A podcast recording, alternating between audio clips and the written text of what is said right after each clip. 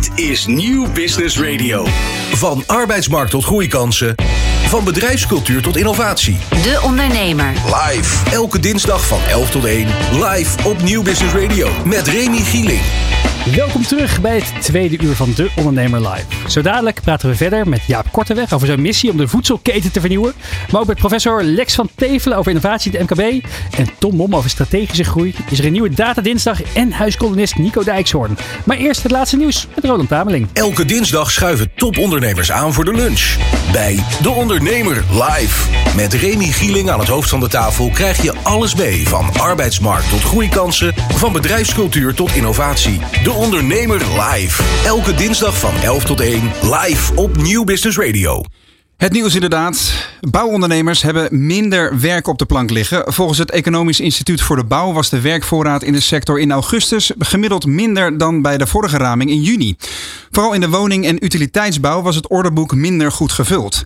Drie op de vijf bouwbedrijven gaven aan dat de werkvoorraad de laatste maanden niet is toegenomen. Dat kwam onder andere door een, tekort aan personeel. Daarnaast spelen materiaaltekorten de sector parten. En dan nieuwe ontwikkelingen weer in het dossier rondom Gerard Sanderink, de topman van onder meer Centrix en Structon. Nou, nu blijkt hebben Sanderink en zijn vriendin Rianne van Rijbroek, die we ook kennen als de cybercharlatan, geprobeerd de, rechter in Amsterdam, de rechter in Amsterdam te misleiden om op die manier belangrijke bewijsmaterialen van tafel te krijgen. Op deondernemer.nl lees je er alles over.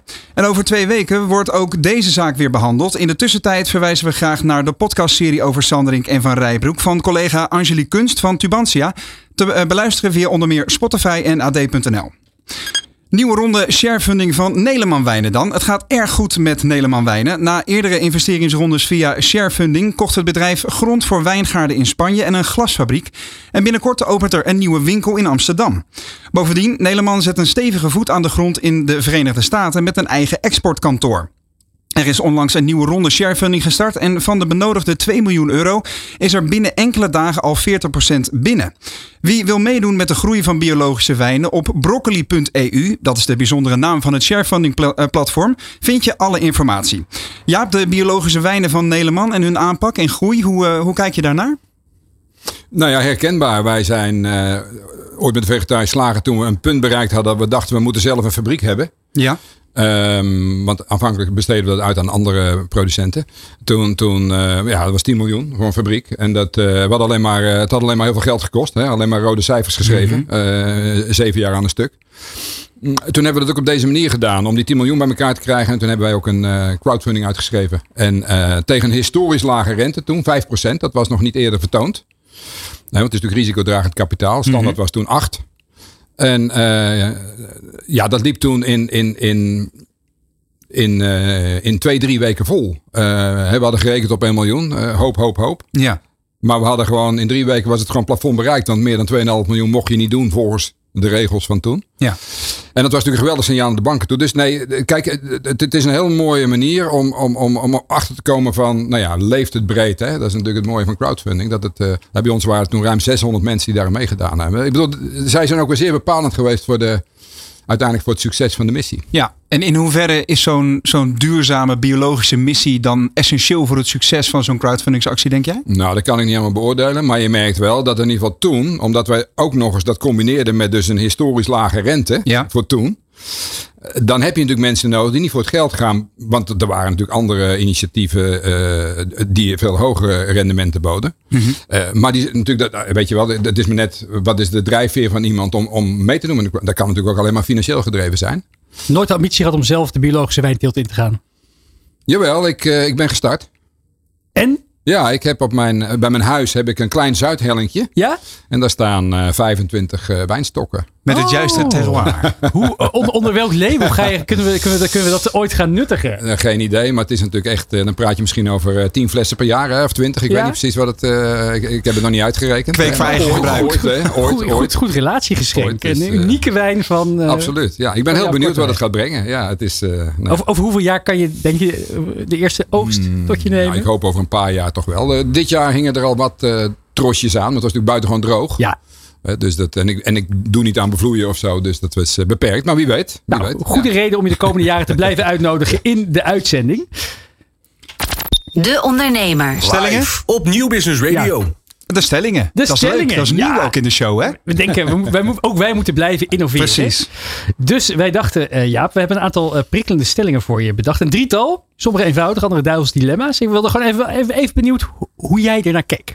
Heel kort inderdaad. Stelling nummer 1 is: boeren hebben te lang gewacht met innoveren. Beetje knuppel in het hoenderok, ik weet het. Ja, dat vind ik natuurlijk wel. Ehm, maar goed, dat is ook een, weet je wel, dit is, dit is dus een gegeven. Hè? Zo, zo, zo werkt het bij Ja. een. Hè? Dus ik bedoel, je kan er alleen maar, je kunt er alleen maar constateren. Maar ik kan me voorstellen dat jij de, het nieuws van de afgelopen eh, weken sl- slash maanden hebt toegekeken met een gevoel van jongens, ik zeg dit al jaren. We moeten met z'n allen in beweging komen. Kan je wel gaan protesteren op het Malieveld, maar je moet in actie komen. Hoe, hoe zie je dat? Nee, dat klopt. Alleen, eh, dit is, ja, nee, dat klopt wel. Alleen, dit is wel wat het is. Dus wat ik in ieder geval zelf zeg tegen boeren. Ik, eh, ik bedoel, ik ben, ik ben zelf boer. Ik spreek, ik spreek ze regelmatig en altijd gaat dat heel prettig. Maar van ga niet, ga, vaar niet op overheidsbeleid. Weet je wel? Want nu is natuurlijk het verzet dat de overheid te ver gaat. Maar de overheid gaat eigenlijk nooit ver genoeg. Het is, de overheid loopt altijd achter de feiten aan. Want dat is ook gewoon een democratisch proces. Hè? Ik bedoel, het zijn ook maar gewoon mensen die met een mening. En, en dat een soort middelmoot wordt dan het beleid. En dat is, je ziet natuurlijk dat de werkelijkheid veel sneller gaat dan wat de overheid eh, eist. Ja. Het gaat veel harder. Stelling dus twee? probeer veel meer, een, probeer veel meer een, hè, probeer veel meer echt vooruit te denken en richt je daarop. Ja, bedoel, fantastisch. Kijk nou de elektrische auto. Het is, nog, het is nog geen vier jaar geleden dat Tesla afgeschreven werd. Ja. De productiehel, de opstart van de fabriek voor de Model 3. Het was gewoon kansloos. Hè? Elon was- Musk die in de fabriek sliep. hij sliep in de fabriek. Het aandeel, was, het aandeel is nu nog steeds, terwijl natuurlijk de beurzen enorm gecrashed zijn, is nog 15 keer zoveel waard dan vier jaar geleden. Toen werd elektrisch afgeschreven. En nu is het, de, weet je wel, nu is het een gegeven. Een gegeven in vier jaar tijd. En zo hard kan het gaan. Ik, ik hoop dat het ook gaat gebeuren met het nieuwe vlees en de nieuwe zuivel. Maar alsjeblieft, boer, vaar niet op de overheid. Ga niet, hè, ga niet op die minimum, op die norm zitten, maar probeer daar ver voor boven te blijven. Belangrijke les. Snel door naar de tweede. Het B-tarief, het B2-tarief op Vega moet naar 0%. Ja, in principe wel. Hè. Net als ook groente en fruit. Want uiteindelijk zijn het groente en fruit die, eh, die erin eh, gebruikt worden. Dus daar ben ik het helemaal mee eens. In ieder geval als dat, als dat lukt met groente. Hè, wat natuurlijk een uh, heidens karwei is nu met de Belastingdienst. Dat krijgen ze niet voor elkaar. Allemaal niet zo eenvoudig blijkbaar. Al die regeltjes weer? Ja. Maar, als dat natuurlijk gebeurt, dan horen daar ook de plantaardige vlees- en zuivelalternatieven bij. Het nieuwe vlees en de nieuwe zuivel, ja. Super. Punt. Multinationals moeten meer hun verantwoordelijkheid nemen voor echte vooruitgang. Ja, helemaal eens. Helemaal eens. Zeker. Wat is jouw boodschap aan eh, die partijen?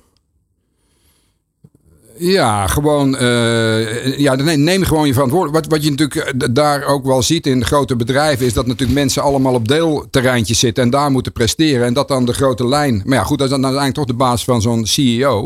En dat dan die, even- dat die het grote plaatje ziet. En dan even heel flauw natuurlijk het, het, linkje maken naar Unilever. Heeft Ellen Job, de CEO daar op dit moment, je ooit op advies gevraagd? Nee. Zou je dat moeten doen? Nou, dat weet ik niet. nee. Zou je, zou je, zou je ideeën die- hebben? Zou je, zou je advies hebben? Ja, dat heb ik wel. Maar daar hoeft hij, daarvoor hoeft hij mij niet te spreken. Dan moet hij gewoon een paar interviews lezen en dan weet hij het ook. Hè? Maar, eh, dus dat... eh, nee, ik, bedoel, ik heb ook nooit... Laat, ik- laat ik het zo zeggen, ik, ik verwijt hem dat niet. Dit is De Ondernemer live op Nieuw Business Radio. Innoveert het MKB en wat is de impact van stijgende kosten voor ondernemers? We praten erover met lector Lex van Tevelen van de Hogeschool Utrecht, die, jaarlijks het, eh, die recent het jaarlijkse Klein Bedrijf Index onderzoek heeft uitgevoerd onder duizend ondernemers. Nou, we doen het per kwartaal, hè? Per kwartaal, Niet per pardon. jaar, dat doen we niet. Per, per kwartaal. ja. Per kwartaal. Ja. Weer onder duizend ondernemers. Lex, welkom in de studio. Ja. Fijn dat je er bent. Dank je. Eh, voor ja, degenen die het dus niet goed kennen, het Klein Bedrijf Index. eh, zeven jaar doe je het al. Nee, nee, niet zeven jaar. We doen het nu iets meer dan twee jaar. Oké, echt waar? Ja. Ik, zag, ik, zag ergens, ik zag ergens zeven staan. Maar dat- zeven keer waarschijnlijk. Zeven keer, Ze- ja. Dat zou zeven, dat zou, zeven kwartalen doen Ja, we dit inmiddels. precies. dat zou Goed, kunnen. we zijn lekker van start. Maar inderdaad, ik denk dat jij vraagt om, een, eh, om een, eh, een, even een elevator pitch voor, die, voor mensen die niet weten wat het is. Ja, precies. Ja, ja het is, eh, wij meten onder de kleinste bedrijven van Nederland. Wat het CBS niet doet. CBS meet vanaf vijf medewerkers. En daar bouwen ze een conjunctuurindex op. Die 95% van de bedrijven in Nederland uitsluit. Dus ik zeg van ja, leuk zo'n conjunctuurindex. Maar het zegt niks over het werkelijke bedrijfsleven. Ze kijken alleen maar naar de bedrijven met meer dan vijf medewerkers. En dat is maar 5% van de populatie. Ja, dus het- het onderzoek samen met Credits, ONL, de Hogeschool Utrecht. Ja. Wat, wat was de reden inderdaad om, ehm, waarvan je dacht, dit, dit moet er komen. Hè? Dit, dit, wil ik, dit probleem wil ik oplossen. Nou, ik was zelf al wat, eh, wat eh, in het FD aan het ageren tegen het CBS en de conjunctuurindex. Omdat ik vind dat ze innovatie op de verkeerde manier meten. Ze kijken naar investeringen in vastgoed. Ja, eh, vaste activa. Kom op jongens, dat is niet meer van deze tijd. Nee. Je kan huren, je kan leasen. Je hebt helemaal geen middelen meer nodig als bedrijf. Je kan ook fabrieken huren. En zo wordt het wel gemeten. Dus je krijgt er een hele eh, rare meting van innovatie. Die niet eh, overeenkomt met de werkelijkheid. Een ondernemer doet wat. Die probeert wat. Zet het bij zijn eh, jaarlijkse kosten. eh, wordt niet eens geactiveerd op de balans. Dus je komt hem op de balans nooit tegen. En ze doen wel heel veel. Ondernemers innoveren heel veel. Het gaat ook heel vaak fout. Dat geeft ook niet. Want je, kunt, je hebt nog een keer. Ondernemers zoals. Jaap. Ja, ondernemers zoals Jaap. Heel veel heb jij niet op de balans staan. Misschien zei je accountant, je moet het nu gaan activeren. Want het is wel handig. Dan kan je erover afschrijven. Maar heel veel ondernemers doen dat niet eens. Wat ehm, viel je op in deze editie, in, deze, in, di- in dit onderzoek van de Kleinbedrijf Index? Ja. Eh, er zaten een aantal opvallende resultaten in namelijk. Ja, zeker. Nou, een van de dingen is dat eh dat kabinet steeds beweert dat maar een klein deel van het MKB wordt getroffen door de hoge energiekosten. En wij krijgen er gewoon uit dat 60% wordt getroffen door de hoge energiekosten. En je begrijpt ook wel waarom, omdat eh, kleinere bedrijven hebben natuurlijk geen marktmacht. En die kunnen hun kosten niet doorberekenen. Dus eh, zelfs grote bedrijven hebben vaak geen marktmacht. Alle grote bakkerijen in Nederland hebben geen marktmacht. Want die hebben van tevoren afspraken met de supermarkten gemaakt over de broodprijs. En daarvoor moeten ze gewoon leveren. En het maakt niet uit wat er omhoog gaat en wat er omlaag gaat. Je moet gewoon leveren tegen die prijs. Denk je dat de, de, het inzichtelijk maken hiervan dan ook helpt voor ze om beter beleid te maken? Ja, want wij eh, eh, eh, als een beetje opscheppen. Mark Rutte heeft vrijdag het, afgelopen vrijdag al het rapport gehad. En dat wordt dan ook wel doorgelezen. En je krijgt er al heel veel vragen voor. Met name vanuit de Tweede Kamer en vanuit eh, de grote ministeries die deze cijfers eh, niet van het CBS kunnen krijgen. Wat ook uit het onderzoek bleek is dat ehm, de netto-marges toenamen, het ondernemersloon stijgt en dat de stress ondernemers, onder ondernemers daalt. Ja, nou dat is een goed teken. Hè? Ja, maar de, het, het ondernemersvertrouwen is, eh, is eh, flink gezakt. Hè? Het zakt met ongeveer eh, zeven punten per maand nu. We hebben juli, augustus en september uitgemeten tussentijds. En eh, ik denk dat die nu zwaar negatief staat. Waar komt dat door?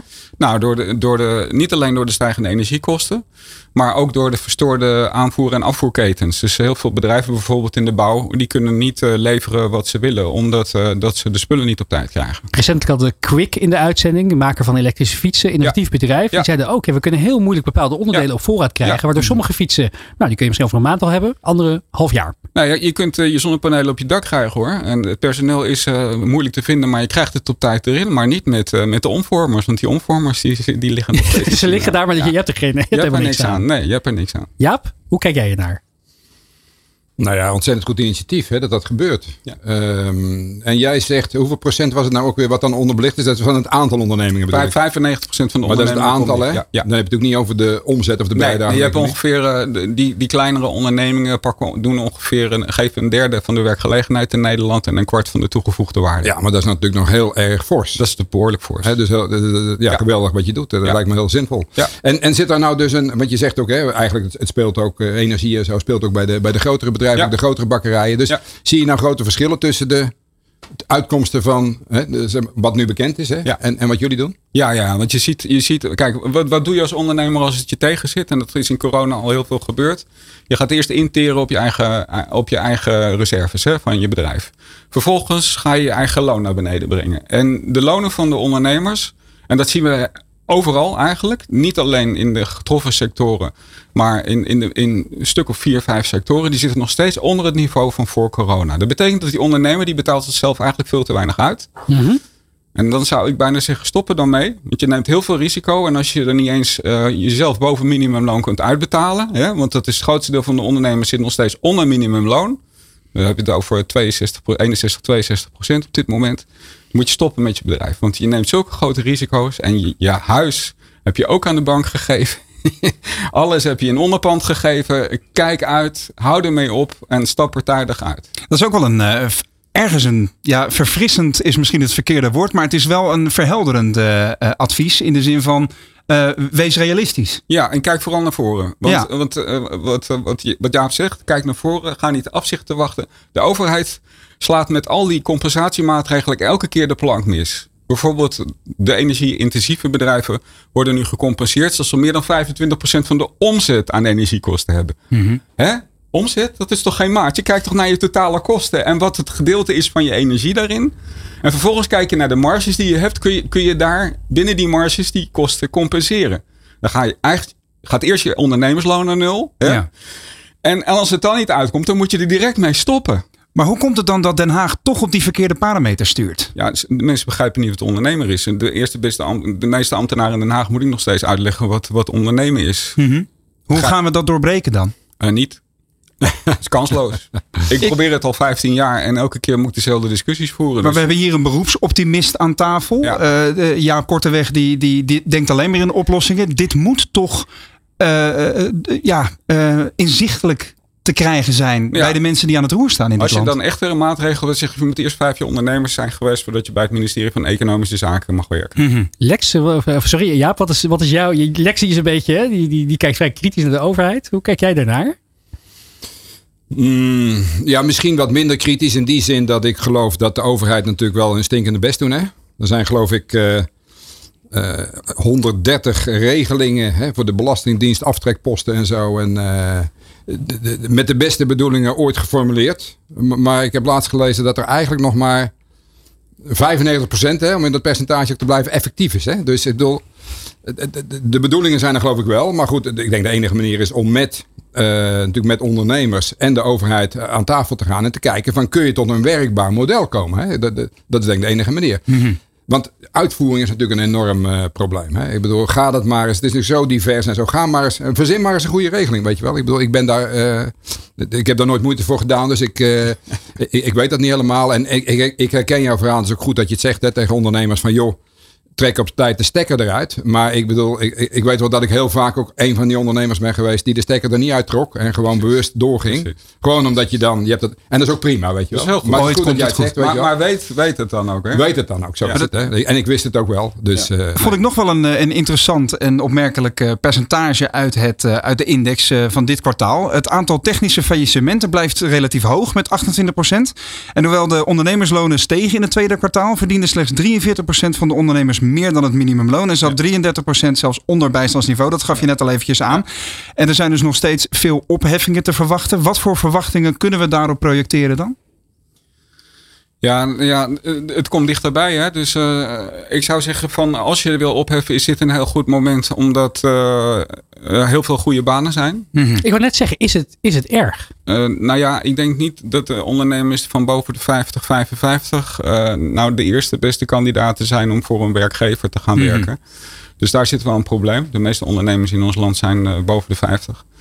Uh, maar uh, er zijn voldoende. Uh, ik, ik, ik, ik ga even mijn eigen verhaal een beetje tegenspreken nu. Ik werk veel samen met de gemeente Utrecht. Mm -hmm. bij de gemeente Utrecht zitten allemaal ambtenaren die ondernemer zijn geweest. Die begrijpen waar het over gaat. Die hebben twee jaar geleden gezegd van we willen geen wachtrijden voor het loket van de bijzondere bijstand hè, voor ondernemers. Dat kunnen we niet aan. Dus we gaan een programma opzetten om ondernemers mee te nemen in de vaart der volken. Het kan goed gaan, het kan slecht met ze gaan. Ze zijn altijd welkom. We gaan ze eens bellen hoe het met ze gaat. Uh, 60% van de ondernemers reageerde daar uitermate positief op. Maar een klein deel had financiële problemen waarom ze gingen praten. De meesten hadden vragen over hoe moet ik mijn marketing in gaan zetten. Hoe moet ik mijn digitale kanalen gaan vullen. Hoe moet ik mijn bedrijf gaan veranderen. Want ik zie dat er heel veel gaan veranderen. En ik heb zoveel keuzes, ik kom er niet uit. En daar hebben ze een heel systeem om gebouwd van partijen die dat aanbieden. Mm -hmm. Dan krijgen ze een foutje van 5000 euro om dat te gaan doen. En uh, als uh, ik zit dan nog aan tafel met, met, met, met een groepje mensen om de ondernemers die echt in zwaar weer zitten een beetje te begeleiden. En dan kunnen we vaak ook nog 70% overeind houden. Hè? Omdat die ondernemers toch willen. Maar je moet een ondernemer nooit gaan zeggen dat moet je doen. Want als je tegen een ondernemer zegt dat moet Ik ben zelf ook ondernemer geweest. Als iemand tegen je zegt dat moet je doen. Dan denk je van wat jij kunt is... Ik zie herkenning bij Jaap eh, op dit moment. Ja. Niet naar. Moet jij eens even luisteren? Precies, moet jij eens even luisteren. Dus je geeft gewoon keuzes. Maar, maar dus de gemeente Utrecht, die Ja. hebben zeg maar als voorwaarde bij het ondernemersloket dat de ambtenaren die daar werken zelf ondernemer zijn. Nee, nee, nee hoor, dat zeg Oh. ik zelf. Nee, dat, maar de- de- toevallig waren al die ambtenaren zijn ondernemer Ja, ja, geweest. maar dat lijkt, dus een pre te zijn. Dat is daar- echt de pre. Nee, maar zeiden, een van de dingen die je zeiden, het is het programma Ondernemers Centraal. Eh, ze zeiden ook van wij weten ook wel dat wij binnen de gemeente allerlei regelingen hebben die soms elkaar tegenwerken. Dus het is niet alleen het doel om die ondernemer te helpen, maar we willen onze eigen organisatie ook stroomlijnen, zodat we geen regelingen hebben die elkaar tegenwerken. Want dan komt die ondernemer niet doorheen. Maar we zeggen wel dat het, dat het effectief is, die ondernemers centraal aanpak van de gemeente Utrecht. Maar eh, hoe tastbaar is dat dan? Hoeveel, wat zien we daarvan terug in cijfers? Ja, nog niet zoveel, want de onderzoeken lopen nu allemaal natuurlijk. En, eh, en eh, we hebben al een aantal. We willen ook weten. hè, de, de- dus financiële professionals, zegt de boekhouder en de accountant, zijn niet gewend om een klant op te bellen om te vragen hoe het met ze gaat. Het eerste wat ik vraag aan een ondernemer: hoe gaat het met je? Ben je nog op vakantie geweest? Eh, heb je druk? Nou, en als je als op een paar signalen weet je al meteen dat het niet goed gaat. Als een ondernemer niet op vakantie gaat, is het vaak niet best. Of hij heeft het te druk en delegeert niet. Of hij heeft het geld niet om op vakantie te kunnen gaan. Nou, dat zijn alle twee slechte tekens. dus ik heb vanuit mijn onderzoek en vanuit mijn eigen ervaring, want mijn hele familie zijn ondernemers, al drie generaties lang van alle twee de kanten. Dus ik weet precies wat je wel en niet moet zeggen tegen een ondernemer. En ik ben altijd heel confronterend. Ik vraag altijd meteen hoe gaat het en waarom doe je het zo en hoe kom je aan je financiering. Nou, en je moet niet verbaasd zijn. Bijna alle ondernemers geven meteen antwoord. Die gaan niet zeggen dat gaat je niet aan. Dus ze denken, hé, hey, er zit iemand tegenover mij die wil iets van me weten. Wat, wat ik lastig vind, is dat het soms zo onzichtbaar is. Ik sprak recent met een ondernemer in de retail. ehm, en die vertelde dat hij, dat hij ontzettend merkte dat het consumentenvertrouwen omlaag was gegaan. Mensen kwamen minder in de winkel, mensen Ja. kochten minder. Ja. Ehm, tegelijkertijd, als je op straat loopt, ja, de, de, de restaurants en horeca zitten vaak overvol. Ja. Je kan geen reservering meer krijgen in het weekend. Ja. Eh, waardoor het voor mij soms lijkt alsof er inderdaad niks aan de hand is. Ja, maar dat is een raar signaal. Want eh, dat komt omdat er zo'n personeelstekort is in de horeca. Dat ze een aantal dagen in de week dicht gaan. Dus de mensen kunnen nog maar een paar dagen in de week naar de horeca. En dan zit die vol. Ja. Dus het, het, het, het is een soort van schijn, eh, schijndrukte zou je kunnen zeggen. Nou ja, de, de, de, de, de, de, de horeca-ondernemer kan vaak niet voldoende personeel vinden. En moet dus een. eh, ik word regelmatig horecatenten uitgezet de laatste tijd. Ja, als je natuurlijk gewoon twee uur moet wachten op een bakje koffie, dan raakt dat terras wel vol, hè? Ja, Of niet? ja, zo simpel is het. Kort voor mij, maar. Je had het net over eh, de, de wens en ook de noodzaak voor extra kapitaal. En ik lees ook in jullie, eh, in jullie eh, verhaal dat het nog nooit zo hoog is geweest, die extra behoefte aan Ja, kapitaal. sinds onze metingen, Sinds hè? jullie Ja, ja, inderdaad. ja. Nou goed, dat is een goed eikpunt. Ja. Ehm, en, zeven kwartalen lang. ja, precies. Om dat even te benadrukken, inderdaad. Eh, maar jullie zeggen ook, het is van, van levensbelang voor ondernemers. Ja. En er zal door vrijwel elke sector geïnvesteerd moeten worden in groene energieopwekking of het verlagen van het energiegebruik. Ja. Is dat ehm, een directe link dan met de kapitaalvoorziening? Ja, ja, want kijk, als een ondernemer wil vergroenen, dan moet er natuurlijk. eh, De kost gaat altijd voor de baat uit. Hè? En eh, het is wel leuk dat we allerlei subsidieregelingen hebben. Maar als je het niet zelf voortfinanciert, dan eh, ka- kan je niet gebruik maken van een subsidieregeling. En al die garantieregelingen hebben we ook niks aan. Want niemand wil een garantieregeling. De bank wil het niet, de financiers willen het niet en de ondernemer wil het niet. Nee. En de ambtenaren eigenlijk ook niet, want het kost zoveel werk. Dus laten we nou al die subsidies nou eens een keer overboord kieperen. En laten we nou eens een gewoon eenvoudig fonds maken waarin ondernemers een financiële aanvraag kunnen doen. En als we zeggen van nou, dit bedrijf is gezond, natuurlijk krijgt het financiering. En waarom hebben we in al die regelingen die we nu voor ondernemers optuigen geen beloningseffect? Hè? Waarom zeggen we niet tegen ondernemers die binnen, binnen nu en twee jaar 40 of 50 procent minder energie gaan gebruiken? Waarom krijgen die niet een 35 procent accijns en, en energiebelasting terug over de afgelopen twee jaar? Een soort activatiesysteem. gaat een ondernemer werken. Die gaat nooit iets doen als hij een subsidie krijgt. Dat, dat, dat, dat weigert hij. Maar als er fiscale aftrek is, moet je kijken hoe je. Want elke financieel adviseur zegt tegen die ondernemer: hey, Wist, Weet je, je, dat, wist, je, precies. wist je dat?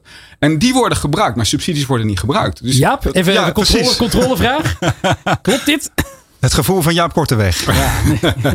Nou ja, nee, ik denk dat subsidies ook wel gebruikt worden. Alleen misschien inderdaad in de groep die jij vertegenwoordigt minder. Hè? Ik denk dat de, de hele grote spelers daar de beste toegang toe hebben met subsidieadviseurs en zo. Hè? Dat is denk ik de situatie. Dus ik, eh, ik snap je punt. Ehm, en, en wat jij noemt, hè, die suggestie vind ik een hele goeie. Dat je het inderdaad dan terugkrijgt op het moment dat jij je nek uitsteekt. Dat is een hele goeie, denk ik.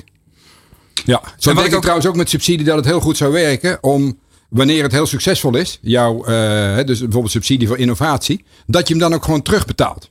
Weet je wel? Natuurlijk. Dat je hem gewoon terugbetaalt. Ja. Dat zit er helemaal niet in nu. Nee, hè? Nee. Heel raar. Ook een soort eigen verantwoordelijkheid bij de ondernemer zelf Ja, weer neerleggen. verantwoordelijkheid. Ik bedoel dus dat. eh, Kijk, op die manier maak je innovatie mogelijk. Nou ja, Ja. als het dus niet lukt, wat natuurlijk heel vaak het geval is, pech. Ja. Hè, maar als het wel lukt, dat je dan gewoon terugbetaalt. Ja. Dat is natuurlijk fantastisch. Hè? Dan hou je natuurlijk geld in die pot. Ja. En je hebt ook een beetje een. Nou, je hebt ook een mooie monitor, krijg je. Van wat, wat, wat, wat, lukt. wat komt er nou van terecht? Hè? Ja, want Den Haag, de Tweede Kamer wil altijd weten de En misschien wel, eh, van het beleid. ja, Ja, ja. en dan heb je hem weer meteen. En misschien wel als het nou heel succesvol is, dat je hem dubbel terugbetaalt. Ja. Weet je wel? Ja, ja. Hè? Wat blijkt, ehm, eh, wat ook uit het onderzoek blijkt, is dat heel veel ondernemers eigenlijk te weinig ja, zicht hebben op hun lasten. Te weinig. Ja. eh, Nee, ze hebben wel goed zicht op hun lasten, maar ze zien onverwachte dingen te laat aankomen.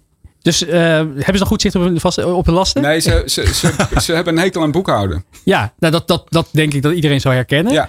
Maar dat heeft wel effect. Wat, wat, Ja, wat voor effect daar- heeft het? Daardoor zien ze niet op tijd dat eh, sommige kosten echt gaan stijgen. En eh, weet je, als je een accountant. eh, geen enkele ondernemer zit graag met een accountant. Want een accountant heeft het over wat er in het verleden is gebeurd. En jij wil kijken naar de toekomst als ondernemer.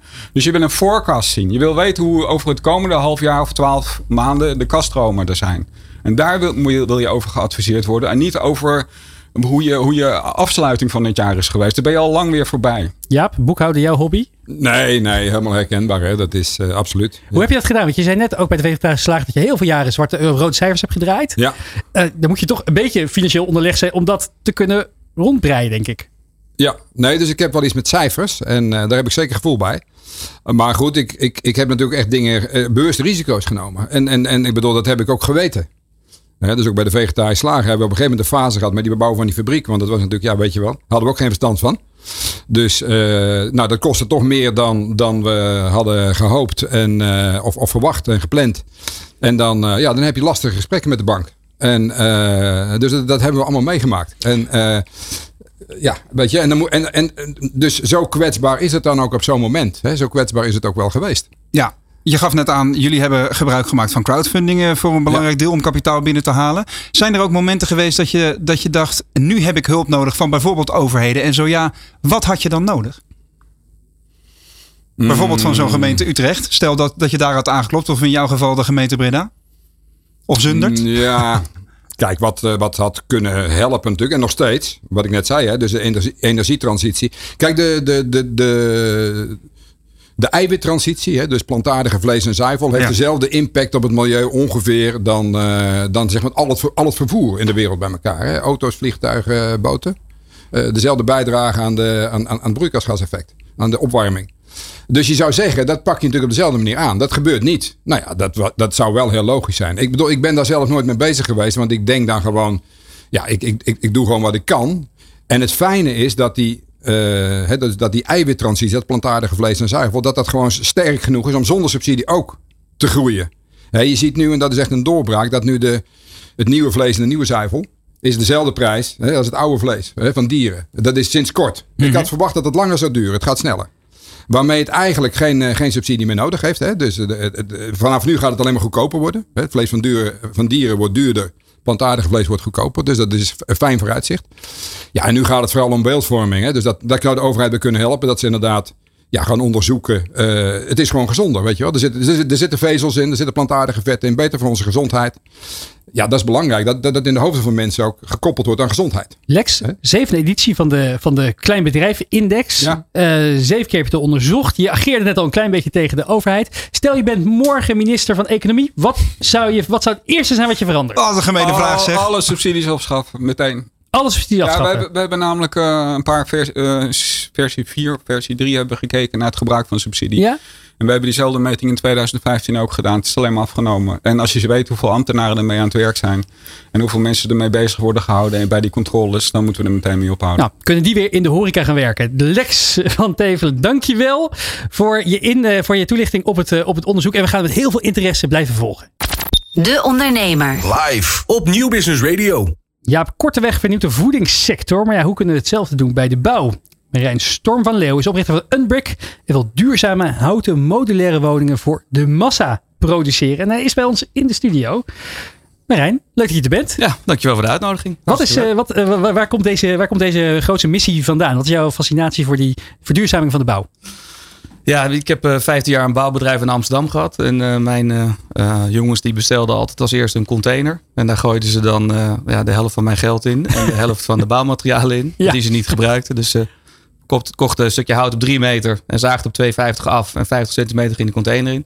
Nou, en toen dacht ik na een post van dit, dit kan gewoon niet. Als we dit allemaal doen. En ik doe dat al als kleine ondernemer dan gaat het echt de verkeerde kant op. Wij moeten nu anders gaan bouwen. Dus een haat voor verspilling proef ik ja, hier. Ja, nee zeker. Ja. En inefficiëntie. Dat is uh, denk ik ook een van de grootste sleutelwoorden. Ja. Unbrick, ja, ik kan het zien op de website unbrick.nl. Kan iedereen aanbevelen. Het ziet er prachtig uit. Maar beschrijf het eens voor de kijker en luisteraar. Wat, wat, wat moeten we hierbij voorstellen? Unbrick is een bedrijf wat uh, modulaire, duurzame, energieopleverende woningen maakt. Volledig van hout. Dus wij hebben een, eh, een design to scale. Dus wij kunnen in ons computerprogramma elke woning maken die we willen. En wij maken nu uh, grote uh, luxe vakantiewoningen voor de recreatiemarkt. Maar kunnen dat ook toepassen op de reguliere woningbouw. En ze zijn helemaal van hout. Wij gebruiken geen stucadoors, geen schilders, geen elektriciëns. Um, uh, geen kit, geen beton, geen staal. Al die elementen die vervuilend zijn in de bouw, die gebruiken we niet meer. En daardoor kunnen we heel snel bouwen. Dus wij bouwen een huis, een zespersoonswoning in twee dagen in de fabriek. En zetten dat in acht uur op de bouwplek neer. En dan kun je in principe erin. En hoe moeilijk is het voor jullie om te groeien, Marijn? Nou, groeien is natuurlijk altijd uh, enorm uh, cashbehoevend. Dus uh, dat, dat, dat is altijd ingewikkeld. maar het is niet lastig, of het is niet moeilijk om te groeien, want er is enorm veel behoefte aan het product. Er is enorm veel behoefte aan innovatie in de bouw. Ja. Dus uh, wij hebben veel aanvragen, grote sales funnel. En uh, um, um, we hebben onze eigen vakantieparken waar we nu de huizen neerzetten. Wat zijn, wat zijn veel aanvragen? Kun je dat uh, tastbaar maken? In aantallen ik heb ze niet opgeteld, maar ik denk dat als je de sales funnel bekijkt, dat het een paar duizend woningen zijn. En als je dat dan gewogen gaat uh, bekijken, dat je dan praat over een paar honderd voor volgend jaar en het jaar daarna. Oké, okay, want we hebben het in, dit, in dit gesprek inderdaad niet alleen over innovatie, maar vooral ook over groei. En dat is de reden dat ik uh, de tweede spreker in dit gesprek graag eventjes, of eigenlijk de derde spreker, even introduceer. Aan de lijn uh, via een digitale verbinding hangt Tom Mom, hoogleraar strategische groei en implementatie aan de Erasmus Universiteit. En co-auteur van de bestseller Naar een gezond groeibedrijf in vijf stappen. Uh, Tom, van harte welkom uh, vanaf een afstandje in, uh, in de uitzending. Ja, dankjewel. Leuk hier te zijn. Het is natuurlijk een, een, een open deur om te vragen welke vijf stappen zou jij aan Unbrick gaan, gaan adviseren om, om snel te groeien. Maar als jij het, het verhaal hoort van dit bedrijf met hun innovatie en hun andere manier van aanpakken, wat leer jij daaruit en wat kunnen wij als ondernemers daarvan leren? Nou, wat ik zie maar uh, Marijn, uh, corrigeer me als ik het niet goed heb. Mm-hmm. Maar Unbreak heeft natuurlijk ook een ontzettend sterk verhaal naar de maatschappij toe.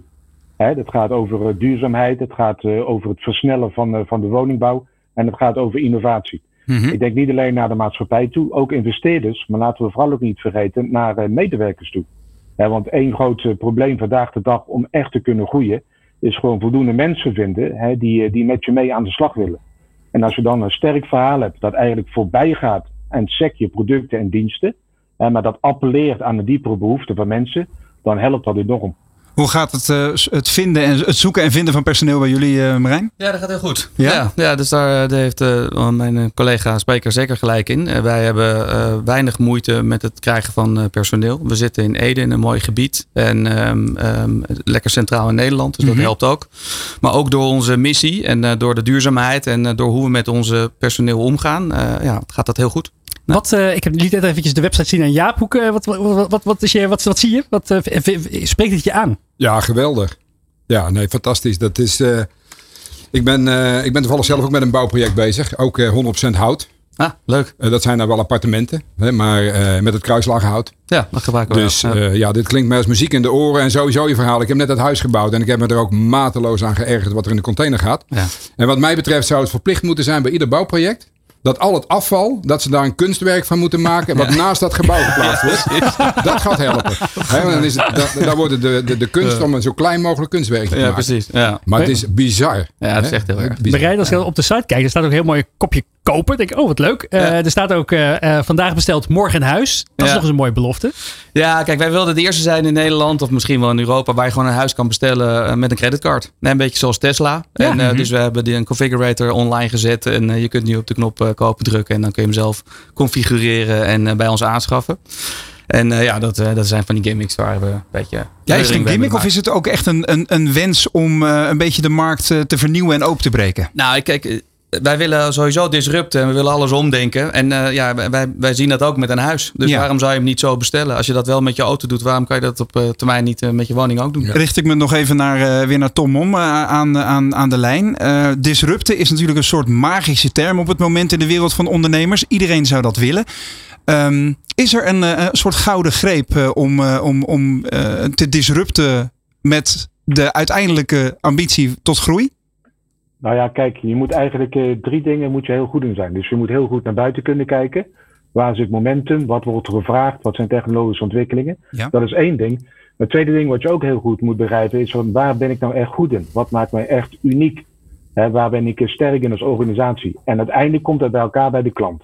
He, dus echt het klantdenken, de klant centraal stellen. Daar hebben we vaak onze mond uh, van, van vol. Mm -hmm. dus drie, die, die, die drie elementen samen ja, zorgt dat je gewoon echt waarde toevoegt en, uh, en kunt blijven groeien. Hoe stellen jullie je klant centraal dan? Marijn? Ja, nou ja, goed. Ten eerste heeft hij natuurlijk heel veel keuze in de woning. En uh, wat hij allemaal wil, dat kunnen wij voor hem bouwen. En vaak is het natuurlijk custom. Ja, dus als iemand komt en ik wil 100 woningen bouwen voor een woonwijk, dan gaan wij dat designen. En dan is het heel erg, dan draait het helemaal om zijn wensen heen. Dus in die zin zijn we wel heel erg klantgericht. Als ik dan online kijk, dan kan je dat de online configurator doen. Leuk, leuk detail. Uh, dan kan je bijvoorbeeld een vierpersoons vakantiewoning kopen voor 220.000. Of een zespersoons vakantiewoning voor 315.000. Mm -hmm. uh, die is dan ook gelijk 182 vierkante meter. Dus serieus, ja. serieuze, serieuze omvang. Bovendien kan die al in januari tot maart 2023 geleverd worden. Um, het is niet voor iedereen beschikbaar. Dus op wat voor markt richt je hiermee? Nou, we hebben binnen Unbreak gekozen om eerst een hele luxe grote woning te maken. Je moet ons een beetje vergelijken met Tesla. Als je iets heel ingewikkelds maakt, dan kun je veel makkelijker naar beneden een kleinere woning maken. Het doel uiteindelijk is natuurlijk woonwijken, een sociale woning maken die betaalbaar is, waar je in kan wonen. Een middensegment koop die voor iedereen bereikbaar is.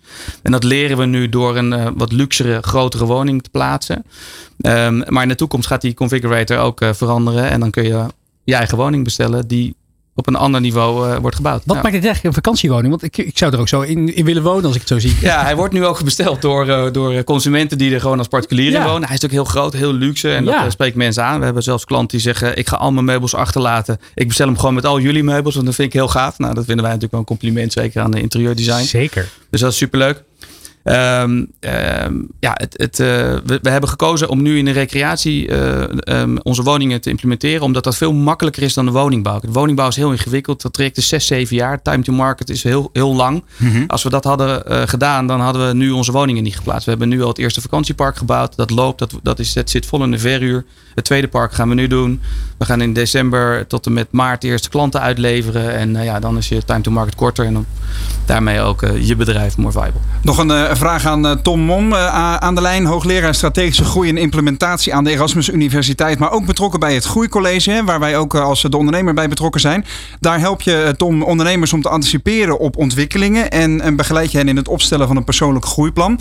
het groeiplan van Unbrick klinkt vrij helder. zou jij nog tips en trucs hebben aan Marijn? Nou, ik ben wel benieuwd, Marijn, weet je wel. Kijk, jullie zijn nou een goede twee jaar bezig. Mm -hmm. Uh, maar de kunst is op een bepaald moment om niet twee, drie of vijf, maar om, om vijftien jaar te blijven groeien, om het zo maar te zeggen. Ja. En dat is nog een vrij lastig, want je moet enerzijds zeg maar, steeds beter worden en perfectioneren waar je op dit moment nog goed in bent. Maar je moet ook voortdurend op zoek gaan naar nieuwe waardeproposities. Ben ik wel benieuwd hoe, hoe jullie dat doen. Nou ja, dat, uh, daar zijn we dagelijks mee bezig. Wij hebben het woord omdenken, uh, laat zeggen, in ons DNA zitten. Uh, design to scale is voor ons heel belangrijk. Hè. Wij doen alles met 3D software. En dat is niet zomaar een software, maar dat is een software die voor de vliegtuigbouwindustrie is gemaakt. En die heel schaalbaar is. Die niet alleen ons product, maar ook ons proces goed bekijkt. En daarmee kunnen wij heel snel groeien. En ja, de ambitie is natuurlijk vele fabrieken in Nederland. En zorgen dat het woningprobleem door ons voor een deel wordt opgelost. Rijn, zag ik ook op uh, je LinkedIn zag ik een hele mooie foto van jou met een grote VR-bril op voor een grote ja. muur. Wat was je daaraan doen? Ja, kijk, toen, toen wij begonnen, uh, toen hadden we natuurlijk een platte tekening. En uh, die platte tekening, daar konden we natuurlijk niet mee bouwen, want dan kun je niet tolerantieloos bouwen. Dus we hebben toen hem in de 3D gezet en hebben een ja, visualisatie gemaakt van onze eerste woning. En daarmee zijn we de markt opgegaan om te toetsen of ja, onze klanten, de, de, de, vakantieparken en onze particulieren die woning wilden bestellen. Dus dat, dat is een oude foto toen wij nog in Naarden zaten en net begonnen waren. Ja. Ik vind het een fantastische missie. Ik kan niet wachten tot ik uh, in mijn, uh, in mijn uh, Unbreak One ooit mijn intrede mag gaan doen. Dank oh, voor je verhaal hier vandaag. Ook Dankjewel. dank aan Tom Mom, hoogleraar strategische groei en implementatie aan de Erasmus Universiteit, voor zijn bijdrage vandaag. En hij is ook betrokken bij het Groeicollege. Dus wil je meer tips over hoe jij kan groeien? ga dan even naar het groeicollege.nl. Dank beiden voor jullie komst. Van arbeidsmarkt tot groeikansen. Van bedrijfscultuur tot innovatie. De Ondernemer. Live. Elke dinsdag van 11 tot 1. Live op Nieuw Business Radio. Ja, nou, we hebben al ongelooflijk veel voorbij horen komen vandaag eh, in eh, De Ondernemer Live. We hebben natuurlijk veel gepraat met Jaap Korteweg, de vegetarische slager, tegenwoordige doos Vegan Cowboys. Zometeen hebben we een, eh, een Data Dinsdag met Job van den Berg, die binnenkomt komt lopen. Buiten de studio wordt er nog gekeken of we verbinding kunnen maken, want ja, het gaat natuurlijk vandaag over eten. Ja, daar kunnen we over praten, maar dat moeten we ook gewoon gaan ervaren. Dus weet je wat, in de tussentijd, uh, uh, terwijl, ze buiten op, terwijl ze buiten de studio nog steeds proberen verbinding te krijgen, gaan we gewoon naar Job, want die staat toch al in de studio bij de Data Dinsdag. Job, je bent van de Bluefield Agency, je weet alles over data en je weet ons iedere week weer te verbazen over prachtige, innovatieve onderwerpen. Vorige week ging het over de metaverse. Nou, ikzelf en Mark van Binsbergen hier achter mij, die waren daar dolblij mee. Deze week gaat je column over hoe data en insights je kunnen behoeden voor grote innovatiefouten. Dat klopt. Ik steek van wal. Zal ik het uh, delen? Zeker. een hele impactvolle toepassing van data en AI is in het innovatieproces van bedrijven. Je ontwikkelt een nieuwe propositie of dienst en je wil zeker zijn of dit een juiste stap is en of er echt behoefte naar is. En misschien wat belangrijkste, of de gemaakte investering, die vaak fors is bij het ontwikkelen van nieuwe producten en diensten, terug kan worden verdiend. Zeker als er een grote pot met geld nodig is voor research en development. Data en insights hebben hier een belangrijke rol. En vaak leidt het tot onverwachte uitkomsten, maar ook blind spots die voorkomen kunnen worden. En dat kan je veel geld besparen. Ik kom graag met een voorbeeld uit de praktijk dat dit illustreert. En hier komt dat voorbeeld. Een groot biermerk ontwikkelde een nieuw biertje met een specifieke fruitsmaak. De huidige koopsgroep waren overwegend mannen, van middelbare leeftijd, hoger opgeleid. Ongeveer 55% van Nederland. 45% van de Nederlanders werd nu eigenlijk links gelegd. Wat een enorme groeimogelijkheden als ons ook zou lukken om die andere 45% te kunnen bereiken en bewegen tot een aankoop, dacht het betreffende biermerk. We moeten innoveren op de voorkeuren van de groep die we nog niet bereiken. De zoektocht naar nieuwe innovatie was begonnen. Het idee was ontstaan om te gaan richten op vrouwen die een specifieke voorkeur hebben voor sangria en hen te laten bewegen naar de biermarkt. Deze groep heeft voorkeur voor een zoete zomers drankje, bleek uit een groot marktonderzoek. Wat nou als het ons lukt om deze groep naar ons biermerk te trekken, door een nieuwe biersmaak op de markt te brengen met een zoete zomerse smaak? So far so good. Dit klinkt als een logische en gefundeerde manier om nieuwe innovaties op de markt te brengen. Je ziet een kans, vindt een behoefte die nog niet is vervuld, een win of opportunity en met data onderbouwd. Let's go! Het marketing- en brandteam ging aan de slag, maakte een media- en marketingplan en ging het product in de markt lanceren. Specifiek getarget op vrouwen, hoger opgeleid, woonachtig in de steden, met een grote voorkeur voor sangria. Uiteindelijk werd de nieuwe innovatie een grote flop. Waarom? De hoogopgeleide vrouw met voorkeur voor sangria wil helemaal geen bier. Ook al had het nieuwe product totaal geen biersmaak, het werd toch geassocieerd met bier en dat ging niet werken. Deze groep wil geen bier, ook al is dat het eigenlijk niet. Welke doelgroep werd dan wel warm voor deze nieuwe zoete biersmaak? Het waren vooral vrouwen van hogere leeftijd, woonachtig in het noorden van het land, in middelgrote steden en vaak wat lager opgeleid. Maar hun interesse en aankoopgedrag mocht niet baten. Deze groep vond weliswaar de nieuwe smaak lekker, maar wat bleek, een man gaat vaak naar de supermarkt voor bier. En die zal niet snel deze nieuwe smaak in het wagentje stoppen. Daarnaast was het nieuwe product enkel onder de aandacht gebracht bij mediakanalen die bezocht worden door jonger, hoger opgeleide vrouwen, maar die moesten die nieuwe smaak niet. Het product kwam dus niet top of mind bij de juiste doelgroep. Zonde van de media- en marketing-euro's. Nu vraag je misschien af hoe dit had kunnen gebeuren. Een belangrijke data- en insights-analyse ontbrak in dit verhaal. Eentje die in beeld zou brengen of de groep vrouwen die voorkeur hebben voor een zoetzomers drankje, de nieuwe biersmark, ook als interessante optie zouden beschouwen en dus over zouden gaan op een aankoop. De behoefte was gepeild in het innovatieproces, maar niet of dit ook zou werken bij het betreffende biermerk. De schade? Miljoenen euro's. We kunnen vier lessen als het gaat om de rol van data uit dit voorbeeld trekken. De allereerste les is: als je innoveert, Ga niet enkel af op je onderbuikgevoel. Juist de grootste innovaties komen voort uit data-insights die niet van tevoren werden verwacht. Sweet spots. Laat je verrassen door wat data je vertelt. De tweede les. Je werkt voor een doelgroep voor, consumenten of bedrijven. Vraag hen dan ook naar hun mening en haal data en inzichten op en relateer dit aan aankoopgedrag. Het klinkt als een open deur, maar bedrijven vergeten nog eens dat ze uiteindelijk voor hun klanten werken en niet voor zichzelf. En het gaat om koopgedrag en niet om koopintenties. De derde les. Data-inzichten zijn key in elke stap van het innovatieproces, van idee tot concept tot evaluatie. En de laatste les. Kom uit je eigen bubbel en valideer onder een groep consumenten je ideeën. Zeker als je business to consumer bent. Want hoe je het ook wendt of keert, degenen die beslissingen nemen in bedrijf zijn hoger opgeleid en wonen in de Randstad. De voorkeuren en behoeften van deze groep zijn hoogwaarschijnlijk heel anders dan het gros van Nederland. Trap niet in de fout om vanuit je eigen levenswereld beslissingen te onderbouwen. Toch wordt in de boardroom nog te vaak grote beslissingen genomen uit een onderbuikgevoel, zonder de representatieve mening van de doelgroep te peilen. Kortom, werk consumer insights driven en niet boardroom ideas driven. Succes! Dankjewel Job van den Berg van Bluefield Agency. Dit is De Ondernemer live op Nieuw Business Radio. Ja, Jaap uh, wil als vegan cowboy de voedselketen vernieuwen. Um, en ja, dat kunnen we inderdaad gaan, uh, gaan, uh, gaan, daar kunnen we uren over praten. Maar dat moeten we ook gaan, gaan ervaren. Dus voor de studio staat Roland Tameling klaar met de Comrex. Om eens te ja. kijken wat voor producten er allemaal uit de vegan, doos vegan cowboys komen. Nou, het grappige is, Remy, je zou hier eigenlijk even in de zaal moeten staan. Want het ruikt hier goddelijk. Er worden tosties gemaakt. Maar je zegt doos vegan cowboys. Maar dit is eigenlijk net weer iets anders, begrijp ik van Jaap. Want Jaap, als je met mij meeloopt naar deze prachtige uitgestalde tafel hier. Het lijkt wel een soort, uh, een soort braderie, een soort proeverijtje. Hè? Want jij zegt, dit is nog niet van Doos Weekend Cowboys. Want met die casine, dat is nog niet mogelijk. Maar uh, hier staan allerlei producten onder de noemer Wild Westland. Daar gaan we zo nog even op induiken. Maar wat is dit precies? Wat zien we hier? Ja, dit is wat er nu mogelijk is met de huidige plantaardige ingrediënten. Waarbij je dus van een aantal kazen ook al goede kopieën kunt maken, maar dan zonder die caseïne. Ja. Maar wel met nou ja, de kaasbeleving. Hè. Dat proberen we zo goed mogelijk te kopiëren. En dat, dat, met deze producten gaat het goed. Je ziet de kaasbeleving in dit geval uh, ja, echt een beetje zo'n proeverijtje zoals je op een uh, mooi marktstalletje ziet. Uh, een grote houten plank, en verschillende soorten kaas. Want dit, dit, lijkt op rookkaas. Het is dus kaas, uh, maar dan gebouwd op, uh, gebaseerd op uh, plantaardige ingrediënten. En ik vind het wel mooi. De, de vormgeving is wederom buitengewoon goed voor elkaar. Ik heb hier echt een, een, een, een, een pakje kaasplakjes. Zo ziet het er tenminste uit. Mooie vormgeving op de voorkant. Een know-how sinds 1936. Daar ga ik vanuit dat het dan gaat over het maken van kaas. Maar no-cow sinds 2020. Met andere woorden, uh, dit is wat je gewend bent als consument. Maar toch ook niet. Want het is, een allemaal, uh, het is dus plantaardig en een hele andere beleving. Maar qua smaak, denk ik, Jaap? Ja, en even die 1936 dit is in samenwerking met Westland Kaas van Old Amsterdam hebben wij dit ontwikkeld. We hebben een joint venture. Ja. Vandaar ook de naam Wild Westland. Want de Cowboys samen met Westland Kaas. Daar hebben we Wild Westland van gemaakt. Maar daarmee die 1936 verklaard. Zo lang bestaat uh, Westland kaas. Ja. En, uh, en dat is dus de kennis die daar zit over kaasbereiding. Goed, ik loop even naar je collega Dennis. Want Dennis, jij, jij bent de expert op dit vlak. Wat heb je allemaal op jouw plank liggen hier? Uh, we hebben hier garlic en herb op een toastje. Uh, ik heb hier... Dat is een soort, uh, soort boussin alternatief, ja. hè? Een soort vegetarische boussin, begrepen. Ja, de plantaardige boussin versie inderdaad. dan hebben we nog een, een tosti met, met rookkaas. Onze nieuwe rookkaas die sinds maandag in de winkels ligt.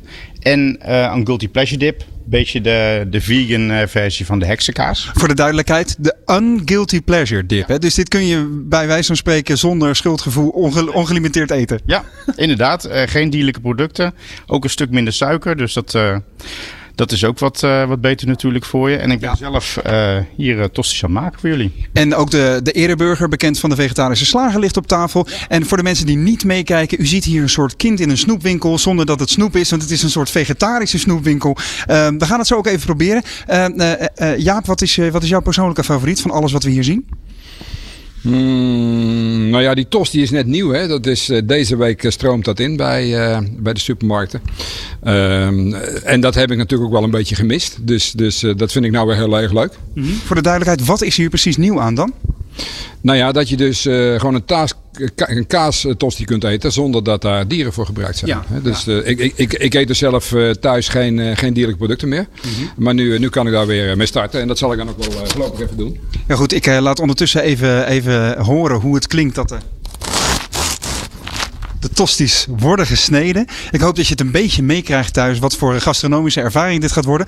Uh, maar uh, mag ik er gewoon uh, Jaap eentje, ik eentje en dan gaan we eens even kijken zoals we drie jaar geleden deden met de vegetarische bitterballen met de draadjesvlees. Nu de vegetarische kaas. Even de visuele beleving. Je ziet inderdaad, nou, het is inderdaad alsof er een soort plakje gesmolten cheddar tussen zit. En dan nu de smaak. Mooie van deze is dat hij gewoon ook echt mooi smelt. Dat Ik stond nog even heerlijk te eten, Dennis, sorry. Het leuke aan deze is dat hij ook echt mooi smelt. Net als een, eh, als een dierlijke kaas. Dat is natuurlijk fantastisch. En hoeveel jaar ontwikkeling zit hierin dan? Poeh. Eh, nou, we zijn meer dan een jaar bezig nu totaal. Dus eh maar. Ik kan me nog herinneren, Jaap, jij vertelde me een paar jaar geleden dat je voordat de vegetarische slager rookworst met CK op de markt kwam, dat jij meer dan 100 verschillende rookworsten rook, eh, worsten had ge- geproefd om, eh, om de ultieme rookworstervaring te ervaren. Hoeveel van deze soorten kaas heb je geproefd? Mm, geen honderd. Wat zal het zijn? Nou, een stuk of tien denk ik. Oké. Dus dit En dan- is- ja, dit, dit is wat, dit is wat sneller gegaan dan die rookworst gelukkig. Ja, en, en ehm, wat zijn nou nu nog meer innovaties die we kunnen verwachten op dit vlak? Ja, we zijn constant bezig om de, de structuur en de smaak nog beter te maken. En nog meer ja, dat op, op, op de dierlijke versie te, te laten lijken. Ja. Maar ja, eh, in, in, het, in, in, in het lab waar, eh, waar we zelf staan, daar, eh, daar zijn we natuurlijk ook bezig met, met andere kazen.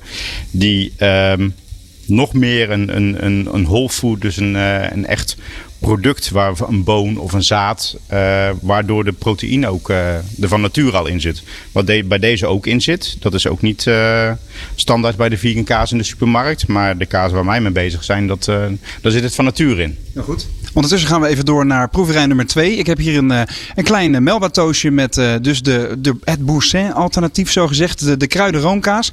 Dus even kijken hoe deze, hoe deze smaakt.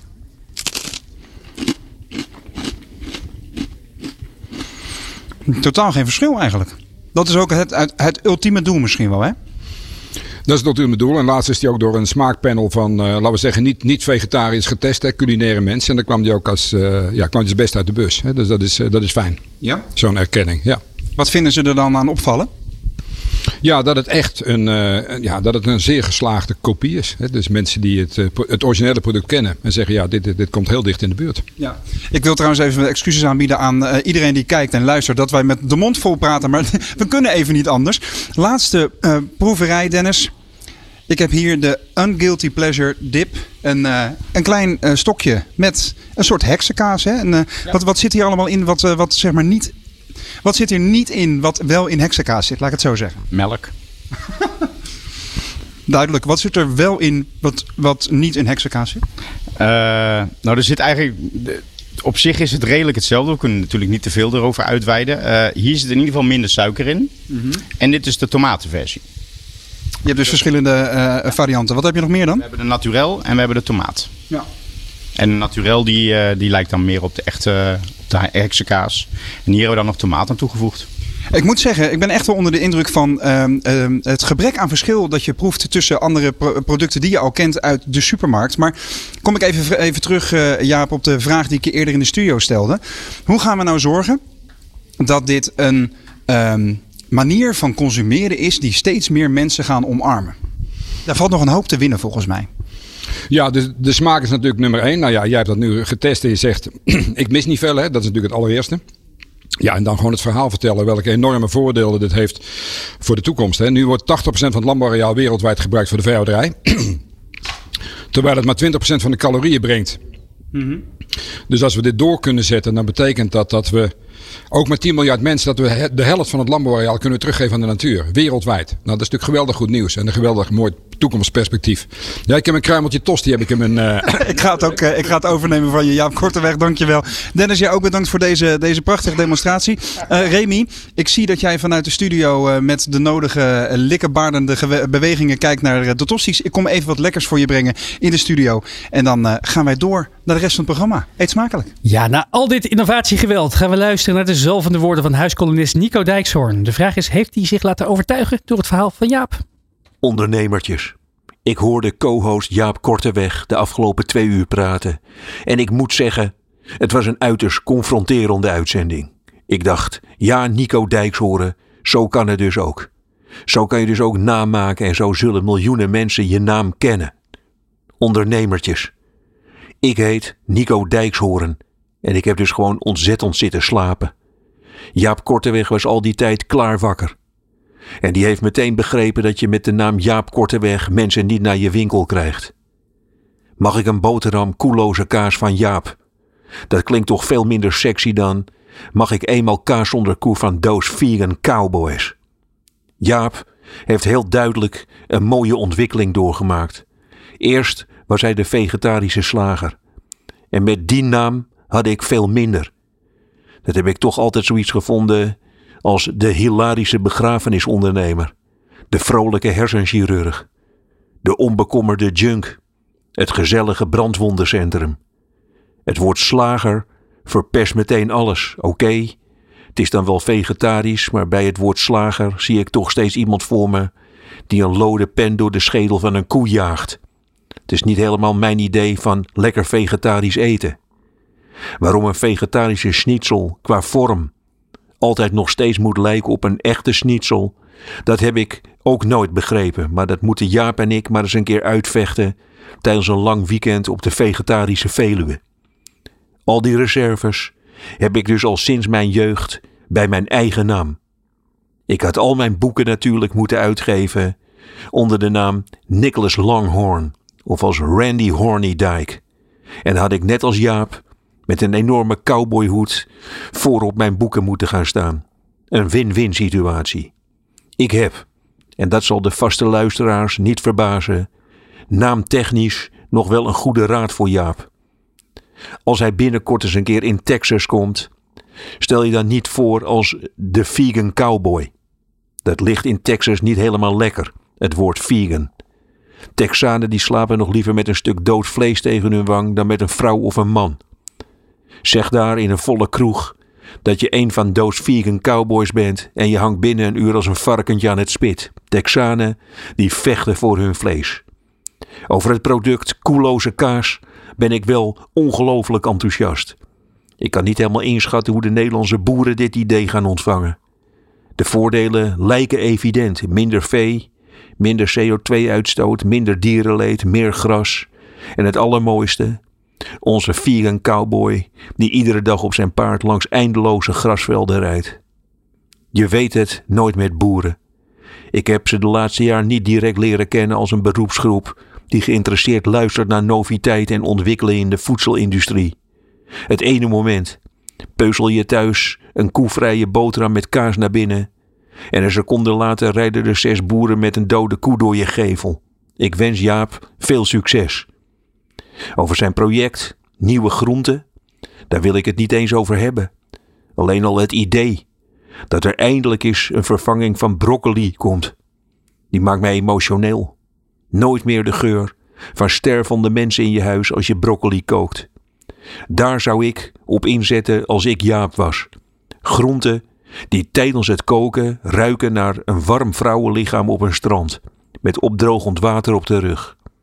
Qua vernieuwende ideeën is dit denk ik de meest epische uitzending van de ondernemer ooit.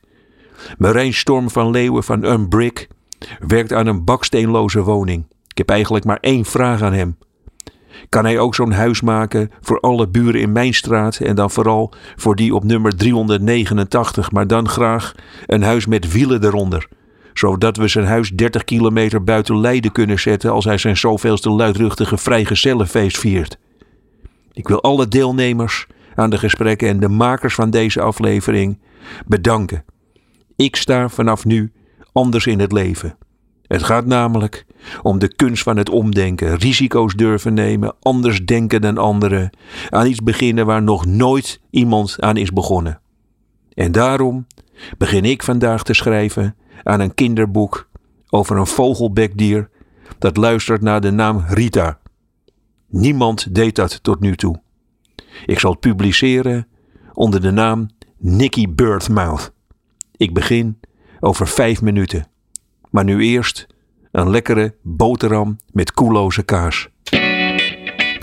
Ja, dat was hem alweer. Ja, we hebben twee uur radio gemaakt samen. Hoe vond je het? Leuk. Ja? Ja. Voor, voor herhaling vatbaar? Zeker. Nee, Ja? dat is echt leuk. Ja. Vegan radio. En, ja, en een geweldige idee allemaal die hier. eh, tenminste, ik heb. eh, ja, wat ik zeg, bouwen dat, eh, en, en eh, nou ja, allemaal eh, mooie en positieve ontwikkelingen. Dat is geweldig. Dat, dat, dat hebben we veel meer nodig in deze tijd. Hartelijk dank voor het luisteren en of kijken naar De Ondernemer Live. Terugkijken kan via YouTube of je favoriete podcastplatform. We bedanken Jaap en al onze gasten hier vandaag. Job, jij ook bedankt voor je komst bij deze Data Dinsdag. Volgende week dan zijn we terug. Mijn naam is Remy Gieling. Dit was De Ondernemer Live. Heel graag tot volgende week. Van arbeidsmarkt tot groeikansen. Van bedrijfscultuur tot innovatie. De Ondernemer. Live. Elke dinsdag van 11 tot 1. Live op Nieuw Business Radio.